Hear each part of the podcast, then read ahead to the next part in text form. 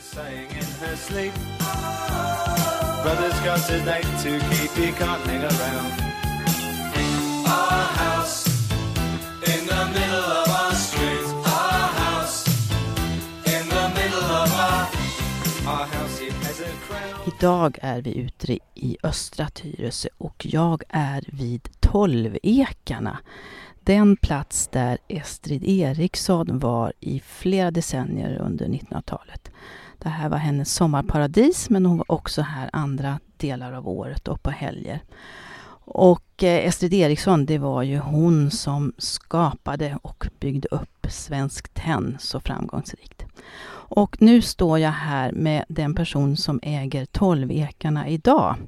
Gun Jakobsson som är den nuvarande ägaren. Och du och jag Gun, vi träffades ju för kanske ett halvår sedan när vi gjorde ett program om huset och eh, det interiöra. Och då sa vi att vi skulle återkomma och gå ut och titta på trädgården och tomten. Och nu står vi här, en, en lummig trädgård, en varm och skön sommardag. Och eh, vi kanske ska rekapitulera lite grann. Hur kom det sig att Estrid hamnade här och när var det hon kom till Tyresö? Alltså det är lite oklart. Om man läser um, i Svenskt Tenns um, ehm, arkiv så kom hon hit och hyrde ett hus redan 1931. Men det tror inte jag stämmer, utan jag tror att hon kom hit 1935-1936 någonstans. Och då hyrde hon ett hus, en sportstuga, av en eh, byggherre som heter Lindegren. Eh, och det var ett mycket litet hus eh, och ingick i den här utställningen, tror jag. Alltså det var inte med som utställning men om man rekapitulerar liksom, så var det Markis Lagergren som bodde på slottet. Han dog 1930 och donerade slottet och en del mark till Nordisk, Nordiska museet. Men eh, området Gimmersta, Tyresö strand och Brevikshalvön fick hans eh, söner ärva. Och de startade ett eh, fastighetsbolag. Eh, jag tror det heter Fastighetsbolag AB Tyresö eller något sånt där. Och eh, eh, då byggde man precis här ovanför vid korsningen Tegelbruket Nytorpsvägen en, en utställning. Eh, man byggde eh, sex typhus för sportstugor och då involverade man två välkända arkitekter. Det var eh, en Blom och en Wahlberg, eller Wahlström tror jag heter. Och de byggde sex stugor. Och dit tog man även dåtidens formgivare både vad gäller möbler och textilier för att man skulle visa folk hur man skulle möblera de här husen. Det, med det som utgångspunkt så sålde man då tomterna runt omkring tegelbruket.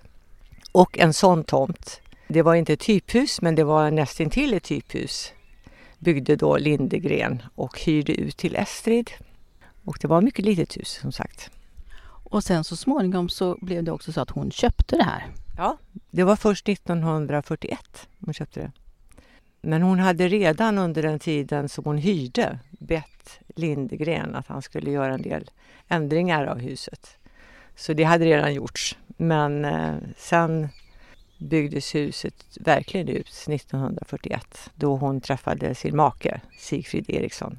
Eller sin blivande make.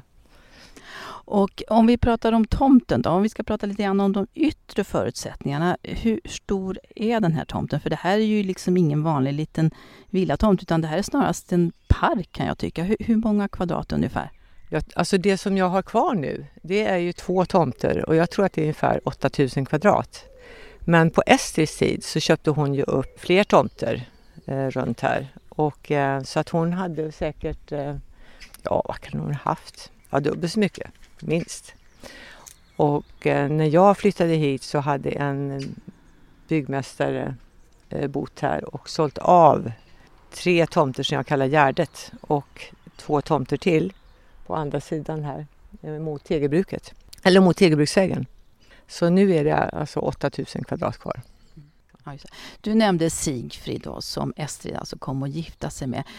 Kan du bara berätta lite kort vem han var? Ja, eh, han eh, träffade hon när hon skulle åka på världsutställningen till eh, Amerika, New York. Och eh, hon skulle åka båt dit. Och eh, åkte VIP-klass, det gjorde man på den tiden om man var en förnäm dam. Hon och hennes väninna. Eh, just den här dagen så stormade det väldigt mycket. Och de här damerna de satt ju vid kaptenens bord, för det gjorde man. Och eh, hennes väninna Ragnhild hon sa att jag ska jag ska gå till baren och dricka lite champagne för det är det bästa sättet att klara vågorna. Men Estrid hon skulle gå till hytten. Hon kände sig så matt. Och senare på kvällen så kom Ragnhild till eh, Estrid för då hade hennes eh, fönster i hennes hytt gått sönder och hon var lite skakad. Knackade på. Och då öppnade kapten Sigfrid Eriksson dörren. På den vägen var det. Precis. Eller var det. Ja. Mm. Och visst var det så att även Sigfrid var väldigt intresserad av trädgård och trädgårdsskötsel och växter? Han blev det i alla fall. Jag har ända tills nu egentligen inte vetat vem han var, mer än att han var kapten och väldigt mytomspunnen och berömd kapten som gjorde enorma insatser ehm, och inte minst alltså under andra världskriget när båtarna hyrdes ut till eh, USA där han fick eh, hämta krigsfångar ehm, och eh, seglade då över, eller körde båt över jättefarofyllda vatten. Ehm, så denna Sigfrid blev ju medaljerad både i USA och i Sverige för sina insatser. Ehm, jag visste inte vem han var som sagt, men nu vet jag det. Det är en mycket en fattig, enkel pojke från söder på Stockholm som började sin karriär på sjön som eh, mäss, mässpojke lyckades alltså bli en av de berömdaste kaptenerna på de här Amerikalinjen. Och han var ungkarl när han träffade Estrid. Han var ungefär 50 år. Estrid var 50 år. Kärlek uppstod. Häftigt, ja det ser man. Ja. Och nu då så står vi alltså i den nedre delen av trädgården. För vi kan väl säga så här att den här trädgården är som sagt var väldigt stor och eh, den består av olika delar kan man säga då. Och när man står nere vid vägen då ser man inte huset som ligger lite längre upp, det stora huset. Utan för hela tomten är helt inbäddad av, av olika sorters grönska. Eh, och det här gröna, vackra staketet, trästaketet som omger då hela tomten. Och den här fruktträdgården den anlade Estrid 1941 med hjälp av eh, från början Hermelin hette han som var trädgårdsarkitekt på Lidingö. Så det var han som eh, strukturerade upp trädgården kan man säga från början. Men eh, någonting hände på sån här kart där han beskrev vad som skulle planteras och hur det skulle gå till så står det han blev sjuk. Jag kontaktade Erik Lundberg har SC skrivit. Så man kan säga att det är ett, de två arkitek- trädgårdsarkitekterna Eh, dels eh, Hermelin i grunden och sen eh, Erik Lundberg och hans mamma Emma Lundberg är det som har hjälpt Estrid. Och Emma Lundberg och Estrid de blev ju också med tiden väldigt goda vänner trots en stor åldersskillnad. Mm. Ja, det var de. Estrid, jag har ju alla hennes sparade fröer och trädgårdsböcker och eh, allt. Hon sparade på allt sånt och läste allt om detta det var ju hennes stora intresse, så var det trädgård. Och det sägs att hon hade egentligen helst velat bli trädgårdsarkitekt själv. Eh, men hon hade ju också en förmåga att anlita de duktigaste eh, som kunde hjälpa henne. Och en av dem var ju Emma Lundberg. Och de träffades säkert i affären. Och efter det så, eh, alltså på Svenskt Tenn, och efter det så kom Emma ofta dit med eh, planter och frön som SJ skulle ha med sig ut och plantera på helgen. Och som sagt var, här är det då eh, ja, äppelträd ser jag i massor. Och är, är det även andra träd? Ja, plommonträd. Det som tillhörde SJs tomt tidigare, alltså den här hörntomten eh, Fimåsvägen, Tegelbysvägen, där eh, planterades päronträd. Det finns inga kvar av de päronträden. Eh, Det var det på den tiden. Och sen massor av bigarråträd överallt. Vad är det vi ser framför oss här då? För, för Ja. övrigt? Det är många som har undrat vad det är. Det är en cirkel och i den är det ytterligare en cirkel. Och sen är det en stensättning runt om. Och, eh, Jag har verkligen funderat på vad det kan vara. Jag funderar på om det kan vara ett- tänkt som en typ av solur. Men i alla fall så är det eh, betong under eh, det här så att antagligen så var det en gjort som en fiskdamm, alltså en, för guldfiskar en gång i tiden. Som man murade upp då som ett solur.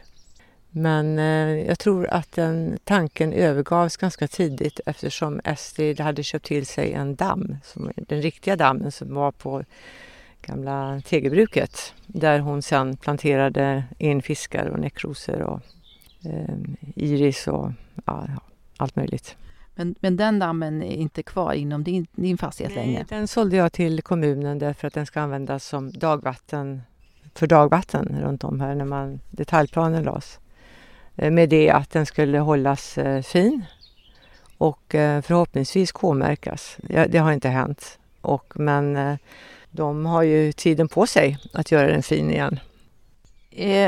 Det som ju också är lite speciellt med den här tomten det är ju att den inrymmer inte bara växter och träd och grönska utan på flera olika ställen så lät också Estrid sätta upp till exempel olika ja, fasta installationer och möbler. Och framför oss så har vi en fin sittgrupp. Vad är det vi ser? Ja, det är två ekstammar och på den vilar en väldigt tjock stor granitplatta. Eh, och sen är det mm, bänkar runt omkring.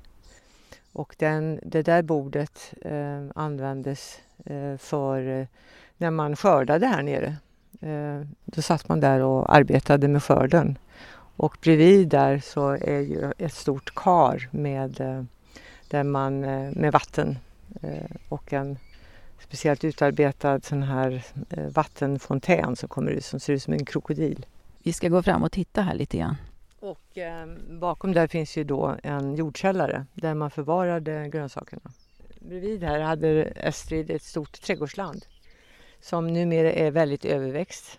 Och eh, jag, har, jag kallar det hallonland. Ja men, ja, men man ser att det är Ja, hallonplantor det är här. hallon. Under gräset är det hallon. Ja, det ger ganska mycket hallon faktiskt. Ja, för att som sagt att, att sköta en sån här trädgård, det, det låter sig inte göras alldeles av sig själv. Det kräver mycket tid och engagemang.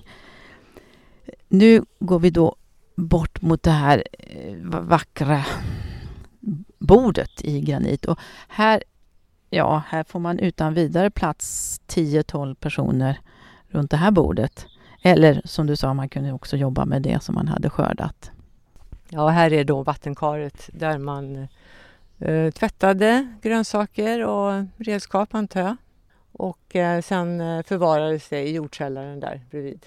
Här nere bodde en eh, familj som hette Gustafssons på den tiden. Som var någon slags allt i allo åt Estrid. Eh, mannen var fiskare och samtidigt hjälpte Sigfrid med trädgården. Och hans fru Karin hon eh, hjälpte Estrid i hushållet. Ja, för det kan man naturligtvis fundera med en så här stor tomt på den tiden om, om de hade hjälp, men det hade de då alltså. Ja. Och det är alltså en, en, ja vad kallar du för? Kallar du för grindstuga eller vad, vad kallar du huset Ja, för? då, då var det en grindstuga eh, och där var det också en plats för kaptenens eh, eh, bil. Så det var garage också, ena halvan. Men eh, det, det föll ihop sakta men säkert så när vi flyttade hit så var det mest en rishög. Och eh, det är nu ombyggt. Så det är ett litet hus här som jag byggde till mina döttrar. Så här har de bott när de, eftersom vår familj var så stor. Så, bo, så det är byggt för dem. Mm. Ja, verkligen ett litet fint behändigt hus. Ska vi fortsätta? Ja. vi gå igenom Hassellunden? Ja, det Ja. gör vi. Gun, då måste jag ju också fråga dig. När kom du och din familj hit till Tolvekarna? Jag kom hit 1986. Flyttade in eh, sommaren 1986. Och sen dess då, vad, vad har du gjort åt trädgården? Har du gjort några större saker eller har du försökt att behålla det som det är? Jag har eh, behållit det som det är, men det är ganska mycket att göra för att behålla det som det är. Bland annat att såga träd och grenar och ja, ungefär det. Det är vad jag gör. Det, jag tycker det är rätt kul. Ja, det, det, det förstår jag. Samtidigt så, är, så kräver det sin kvinna. Nu i, i, höstas så tog jag ner åtta bokträd som hade planterat sig här helt av sig själva i backen. Och de, de tar så mycket kraft och eh, eh, brädar ekarna och hassel, hasselsnåren. Eh, och det är ju inte meningen. Så nu är de borta och nu breder hasselbuskarna ut sig igen. Så nu, nu blir det ett hasselsnår igen.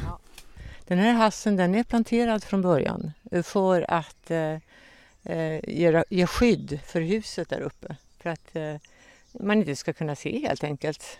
Och att ge en vacker eh, grönska när man tittar ut mot vattnet. Mm. Och hassel är ju väldigt, tycker jag, väldigt fina buskar. Det här namnet då Gun, Tolvekarna.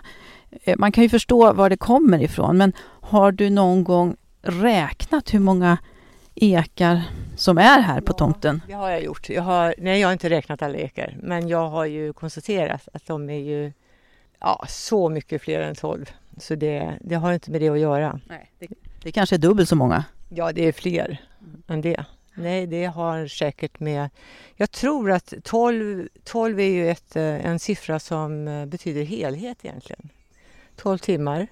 Estrid beskrev ju ofta att hon kände sig hel när hon var här. Hon fick uppleva alla årstider och att hon tyckte det var väldigt viktigt i hennes liv.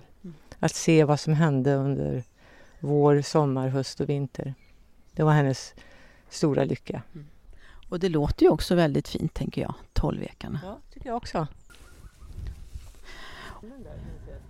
Nu går vi vidare här. Nu har vi kommit till en liten trapp som underlättar för oss att komma upp för här. Och allting är förstås i den här gröna färgen som ju är den färg som huset har och som även staket och mycket annat har. Nu har vi kommit upp här lite grann. Ja, den här, här i den här sluttningen, det är ju ovanför hassen, så är det mycket eh, slånbär, det är mycket allt möjligt. Alltså. Prydnadsbuskar och framförallt är det mm, nyponblommor och ja, sånt som passar in här helt enkelt. Och som sköter sig självt. Ja, nu, nu står vi framför en av de många ekarna då. Som ju är väldigt eh, fin och karaktäristisk för att vara ek. Och här är det ett litet Muminhus. Eh, som eh, jag vet inte vad det har använts till faktiskt. Eh, men det är lite kul för att jag var nere i, i, Essis ehm, alltså hembygd, Jo, där de kommer ifrån. Och där är badhytterna, ser precis likadana ut som det här eh, lilla huset. Och eh, då frågade jag, jag var där på en rundvandring och då frågade jag stadsarkitekten vem som hade gjort den. Och då sa han att det var en arkitekt som hette Kjellman. Och det, Kjellman, det är min farmors bror. Så jag tyckte det var helt otroligt. Vilken tillfällighet Ja. va? Ja, det tyckte jag också. Ja. Det var jättekul. Och om vi ska beskriva det så är det en, en ja, kvadratisk eh, grön litet hus med, med Små små, dörrar och fönster. ja, små fönster som är, de är också rektangulära men liksom ställda på sin ända.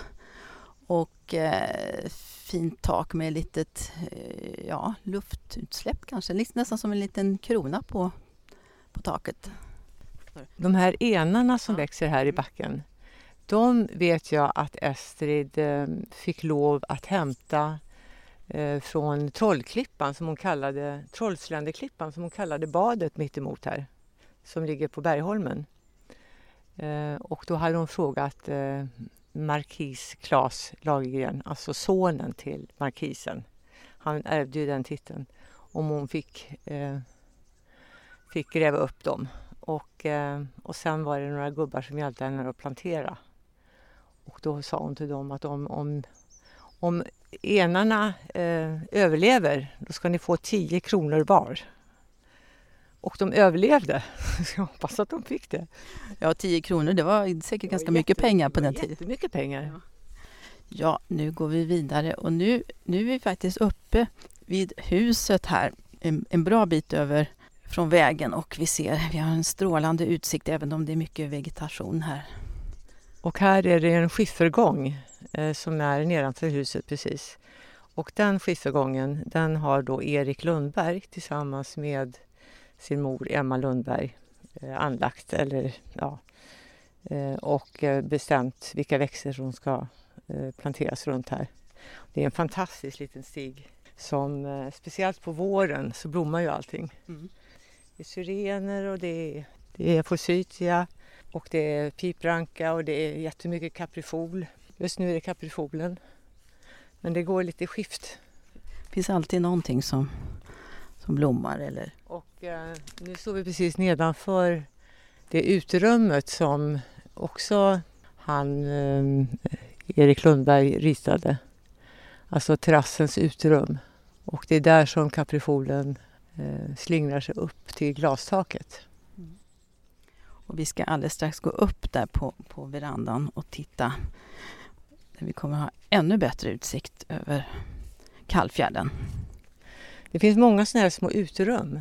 På, eh, och det var väl väldigt mycket en inspiration från Emma Lundberg och hennes Bullerbacken på Lidingö som hon hade skapat där hon eh, tänkte eh, trädgård i rum. Och det överförde hon hit. Så här är ett litet rum för meditation.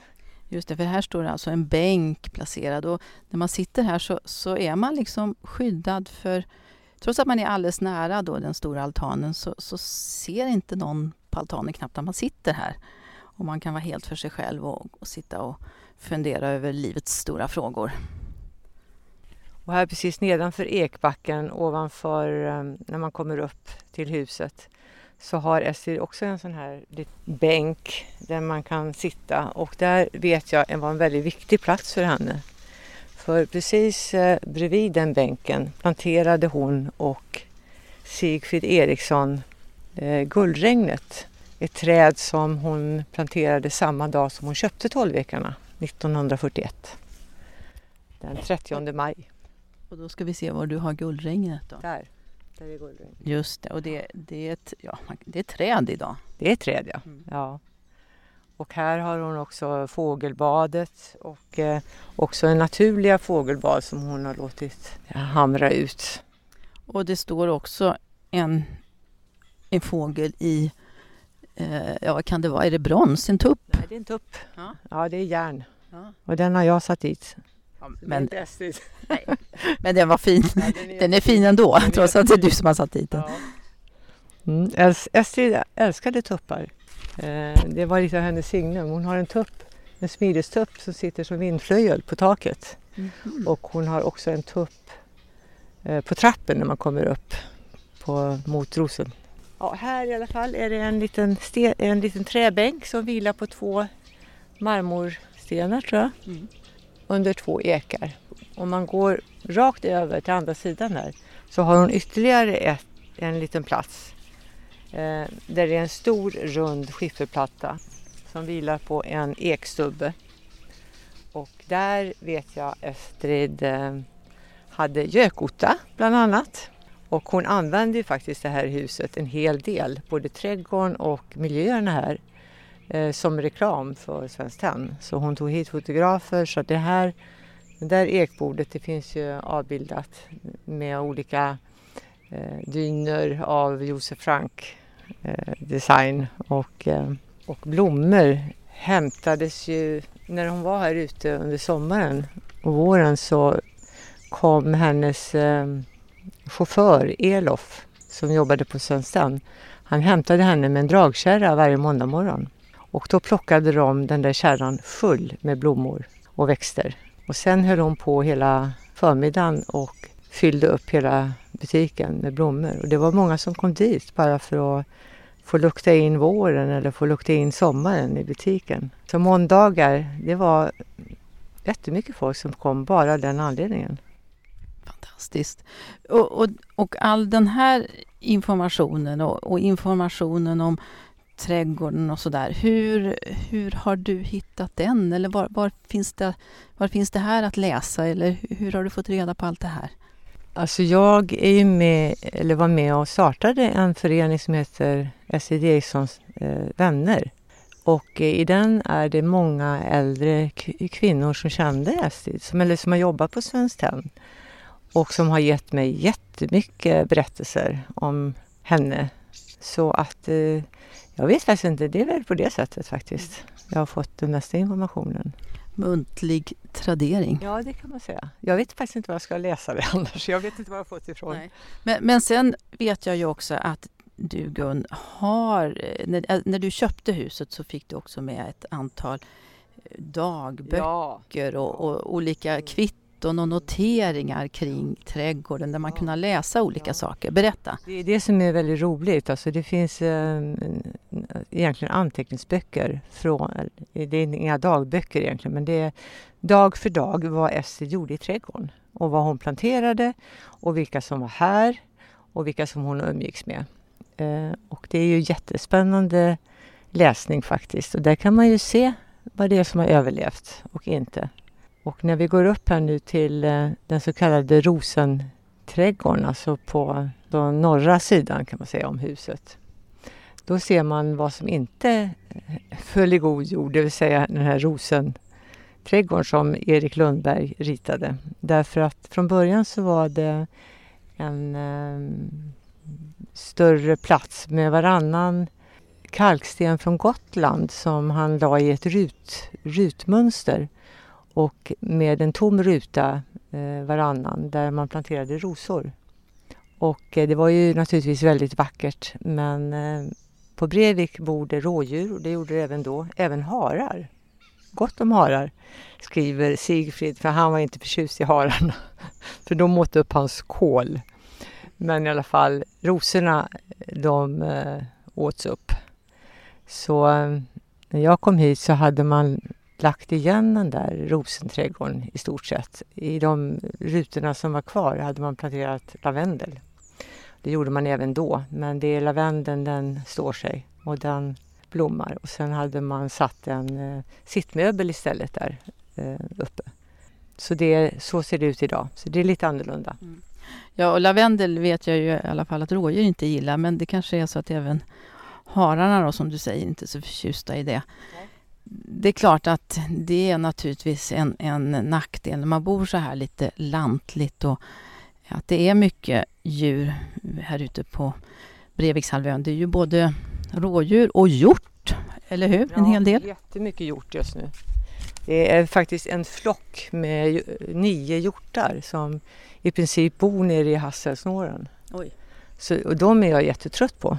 Det är jättetråkigt. Så nej, de är inte roliga. Nu är vi då här på den som du kallar för norra sidan om huset. Då. Eh, och framför oss så, så, har vi en... Ja, det ser faktiskt ut som en väldigt berömd författare. Ja, det är Strindberg. Det är nog inte alla som ser att det är Strindberg, men jag ser att det är Strindberg. Och jag håller med om. Du gör det? Ja, du såg det direkt? Ja. ja. Det var det första jag tänkte när jag kom hit. Jag kom hit helt oförberedd en gång 1986. Eh, hade ingen aning om vad det här var för hus. Men jag hade en idol och det var August Strindberg. Och eh, min, min son hade jag döpt till August. Och eh, det första jag fick se när jag kom upp här, det var ju August som stod här ute. Och då kände jag, nej nu har jag helt kommit rätt. Det var ett tecken. Det var ett tecken, verkligen. Mm. Och det är en, eh, ja, en, en dryg meter hög staty i någon slags vad är det, lavasten eller något Jag sånt där? tror att det är lavasten. Ja.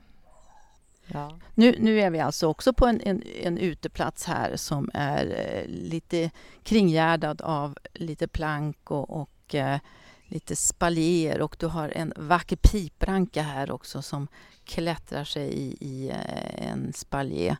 Eh, kan du berätta lite grann om, om växterna här? Eh, ja, det här är ju en um, järnek som har växt sig över alla bredder. Gigantisk. Gigantisk. Och i den växer en pipranka som också breder ut sig, så man tror inte det är sant. Och i all den grönskan så gömmer sig ett, eh, en mussla. Ja, nu, nu går vi fram och tittar på musslan. Den här musslan den kom till Tyresö mitt under brinnande krig 1943 per båt. Jag tror att det måste varit Sigfrid som eh, ordnade med det. Från Italien i tre delar. Eh, och den monterades då upp nedanför den här loggian som är på köksingången som jag kallar det.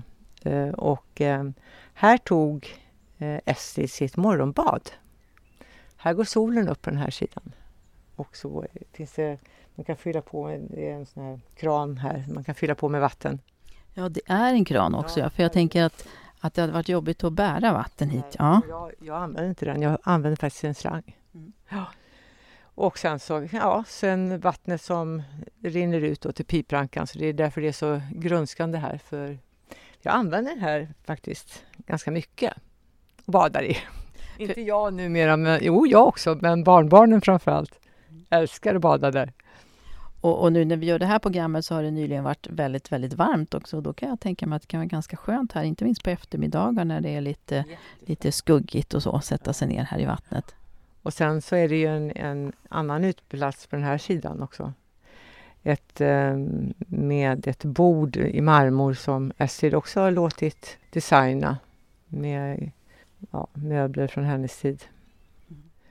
Ja, hon, hon måste ju ha haft känningar i, i i sten, stenhandelsbranschen. För, för såna där, såna där skivor som, de skulle kostat en smärre förmögenhet idag. Du, är, är det inga rosor kvar här i, i, på den här sidan, det som vi kallar för rosenträdgården? Nej, ja, det är, nej inte från Estis tid. Men däremot så är det något så fantastiskt för min egen del. Det är så, jag är ju uppväxt på Kinnekulle och eh, där odlade min mamma rosor och hon tog med sig dem när hon flyttade till Lundsbrunn och nu när, vi, eh, när det huset skulle rivas så plockade jag med mig de gamla rosorna, alltså klängrosor eh, som är från Kinnekulle. Och de blommar nu som bäst här. Det är otroligt. Jag trodde aldrig att de skulle överleva flytten. Men eh, det är jätteroligt. Det, det, ser ut som det kanske är en sån här flammentans den till höger. Kan det vara det? Jag kan ingenting om rosor. Ingen aning. De blommar ju fantastiskt. Ja. Så det är rosor. Ja, men det är, I år är det otro, Jag har hittat något medel som man kan eh, spruta på så rådjur och hjortar äter upp allting. Som fungerar. Ja, lite sån här blodmjöl eller något jag sånt där. Jag vet inte vad det var för någonting men mm. det funkar i alla fall hittills. Alltså här, lavendeln är ju kvar sedan Estrids tid. Ja, alltså det är väl egentligen bara de här rosorna som inte är från hennes. Ska vi gå runt och titta på den stora fina södervända altanen. Ja. Nu har vi kommit upp på altanen med den strålande utsikten över Kallfjärden. Och eh, nu får du berätta om den här platsen. Ja, den började byggas eh, 1942. Ja, den invigdes 1942 tror jag det var. Det står här på den här spisen som är här. Jag ser, 1942. För det är ju lite speciellt att här finns det alltså en spis, en öppen spis som är utvändigt. Och som eh, som äh, vetter utåt, alltså som man ser där det, alltså den här terrassen då, den är byggd av kalksten i två delar. Ett som är öppet mot himlen, stor altan framför det stora rummet och sen är det som ett litet rum kan man säga. Eh, och då är den här spisen den som är avdelaren med de här två rummen. Och i det inre rummet då är det som en liten matsal. Man sitter under ett glastak eh, med sån här gammal, alltså det är sån här trådglas heter det. Och under där så har, har det planterats ett plommonträd. Det var Emma Lundberg som planterade det. Och det sprider ut sig då, så det blir som ett tak över bordet. Och ger det fortfarande frukt ja, det där? Det jättemycket frukt. Mm. Och vi kan säga att det här som du kallar för liksom inre rummet, då, det, det som Ja, alltså, tankarna far ju till Italien eller Frankrike. Att, att sitta så här som man sitter liksom och äter sin kvällsmiddag under ett träd och man är liksom utomhus men ändå så har man det här skyddande trädet och, och glastaket över. Och, ja, helt fantastiskt med den här utsikten. Och jag vet att Estrid, eh, när, när det här invigdes, då eldade man ofta i den här spisen för att hålla borta myggor. Och sen blev det lite varmt. Och eh, ja, ganska häftigt. Så det gör jag också ibland. Men framförallt har vi använt det som grill. Just Den här spisen ligger liksom åt andra hållet, så den är en, en egen solitär. Och det är ingen, det är ingen liksom, liten pjäs det här, utan ganska rejäl och väldigt häftig. Och det är en, en någon gjutjärnsplatta där det står då 1942, står det väl. Och så står det 12 ekarna. Ja, häftigt. Ja, nej men och de möbler som är kvar här, de är sedan Estrids tid. Det är en stort matsalsbord som vilar på ett järnstativ och så är det konglomererad marmor som man har gjort bordet av. Och sen är det stolar från Le Corbusier. Och den här skivan är ju också en sån här gigantisk och jättetung skiva, så det är inget som man... Den får stå här hela året, ja, eller hur? Allting står hela året. Ingenting som man lyfter. Och här ryms det också många personer. Här kan man ha stora trevliga fester. Och sen den lilla säga, yttre delen av den här, eh, vad, vad, kallar du södervända altanen, eller vad säger du? Ja. Det är altanen som är utanför det stora rummet egentligen. Mm. Och eh, det är ju då kransat av en ganska låg eh, mur. Ja, hela, hela golvet här är ju eh, alltså grå Gotlands eh, kalksten. Mm. Jättevacker. Och sen har du då låtit plantera i olika krukor här. Allt ifrån pelargoner till krasse och eh, annat som blommar fantastiskt här. Och där borta står också en liten katt i något material. Vad är det för material? Det är granit. Den är från Egypten. Den har tappat sitt öra. Ja, den, den står och tittar på oss. Och, men du, ni har, ni har ju som sagt haft många barn här, men ni har aldrig varit rädda att ungarna ska klättra upp på den här muren och trilla ner? Uh, nej, uh, alltså det... Faktiskt, det första som hände den dagen vi köpte huset så hade jag med mig mina barn då. Då hade, då hade jag tre barn, ett fjärde som var på väg. Och den lilla, eh, han, den yngsta, han var precis knappt två år. Det första han gjorde det var att gå rakt ut över muren och föll. Och bröt armen. Så, men då hade jag inte hunnit eh, lära dem ett och annat. Sen har det aldrig hänt någon olycka faktiskt. Nej, han gjorde väl definitivt inte om det. Nej, det gjorde han inte. Ja, Eh, alldeles fantastisk trädgård och nu har vi alltså rört oss nerifrån, eh, nerifrån vägen och gått upp genom, upp genom Hasselunden och slänten och tagit oss via det som kallas för Rosenträdgården och nu är vi alltså på, på altanen här med utsikt över vattnet. Och eh, Gun, det är ju också så att det görs ju också en en eh, antikvarisk inventering av din trädgård just nu. Kan du berätta några ord om det? Ja, eh, det är trädgårdsantikvarie Ulrika Ryd som inventerar trädgården.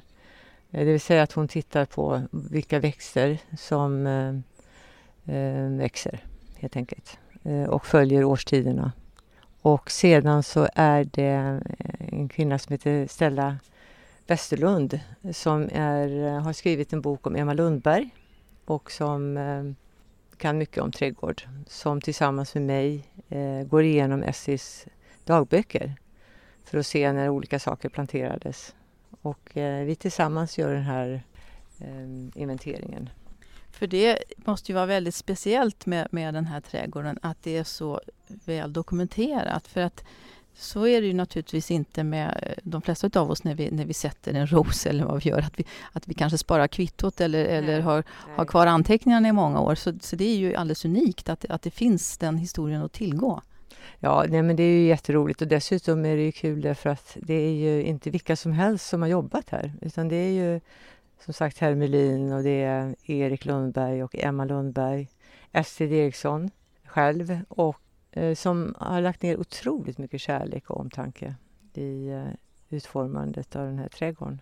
Och precis som du sa så trivdes ju Estrid och eh, med sin make då Sigfrid väldigt mycket här. Hur gav de uttryck för det? Kan man alltså läsa man kan det? läsa den här eh, dagboken. Speciellt är det ju Sigfrid nu när han är här ute. Han, jag tror att han skriver liksom till Estrid genom dagboken om hur han längtar efter henne och vad allt vad han gör om dagarna, hur han vad mycket han rensar och han täljer stödpinnar och han jobbar. Och så tänker han på Estrid, eh, mycket romantisk man. Och han var också väldigt eh, förtjust i fåglar. Han hade en liten eh, kanariefågel som heter Figaro. Och hans kvinna, Sippan, som la små ägg här ute. Och som han eh, också antecknade hur det gick med det och hur länge de, alltså de hjälptes åt faktiskt. Det var inte bara Sippan som låg på ägg. Så, så de kanariefåglarna var alltså utomhus? Ja, de eh, flög fritt här ute. Oj.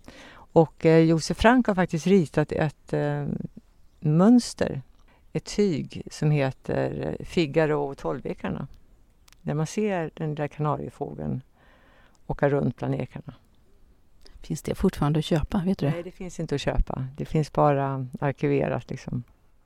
Det tycker jag kanske är något, kanske är ett mönster de får ta upp igen då på Svenskt Tenn och, och börja göra. ja. ja. Ja, och det får väl bli väldigt vackra slutord. Och jag vet ju också att du Gun också trivs väldigt bra här och det kan man ju verkligen förstå för det här är en fantastisk pärla. Så då vill jag säga tack så hemskt mycket till dig Gun för att vi fick komma hit idag. Mm, tack! Och eh, det här är Katarina Johansson Nyman på Tyresö. Tack! Brothers got to keep can't hang around. Our house in the middle of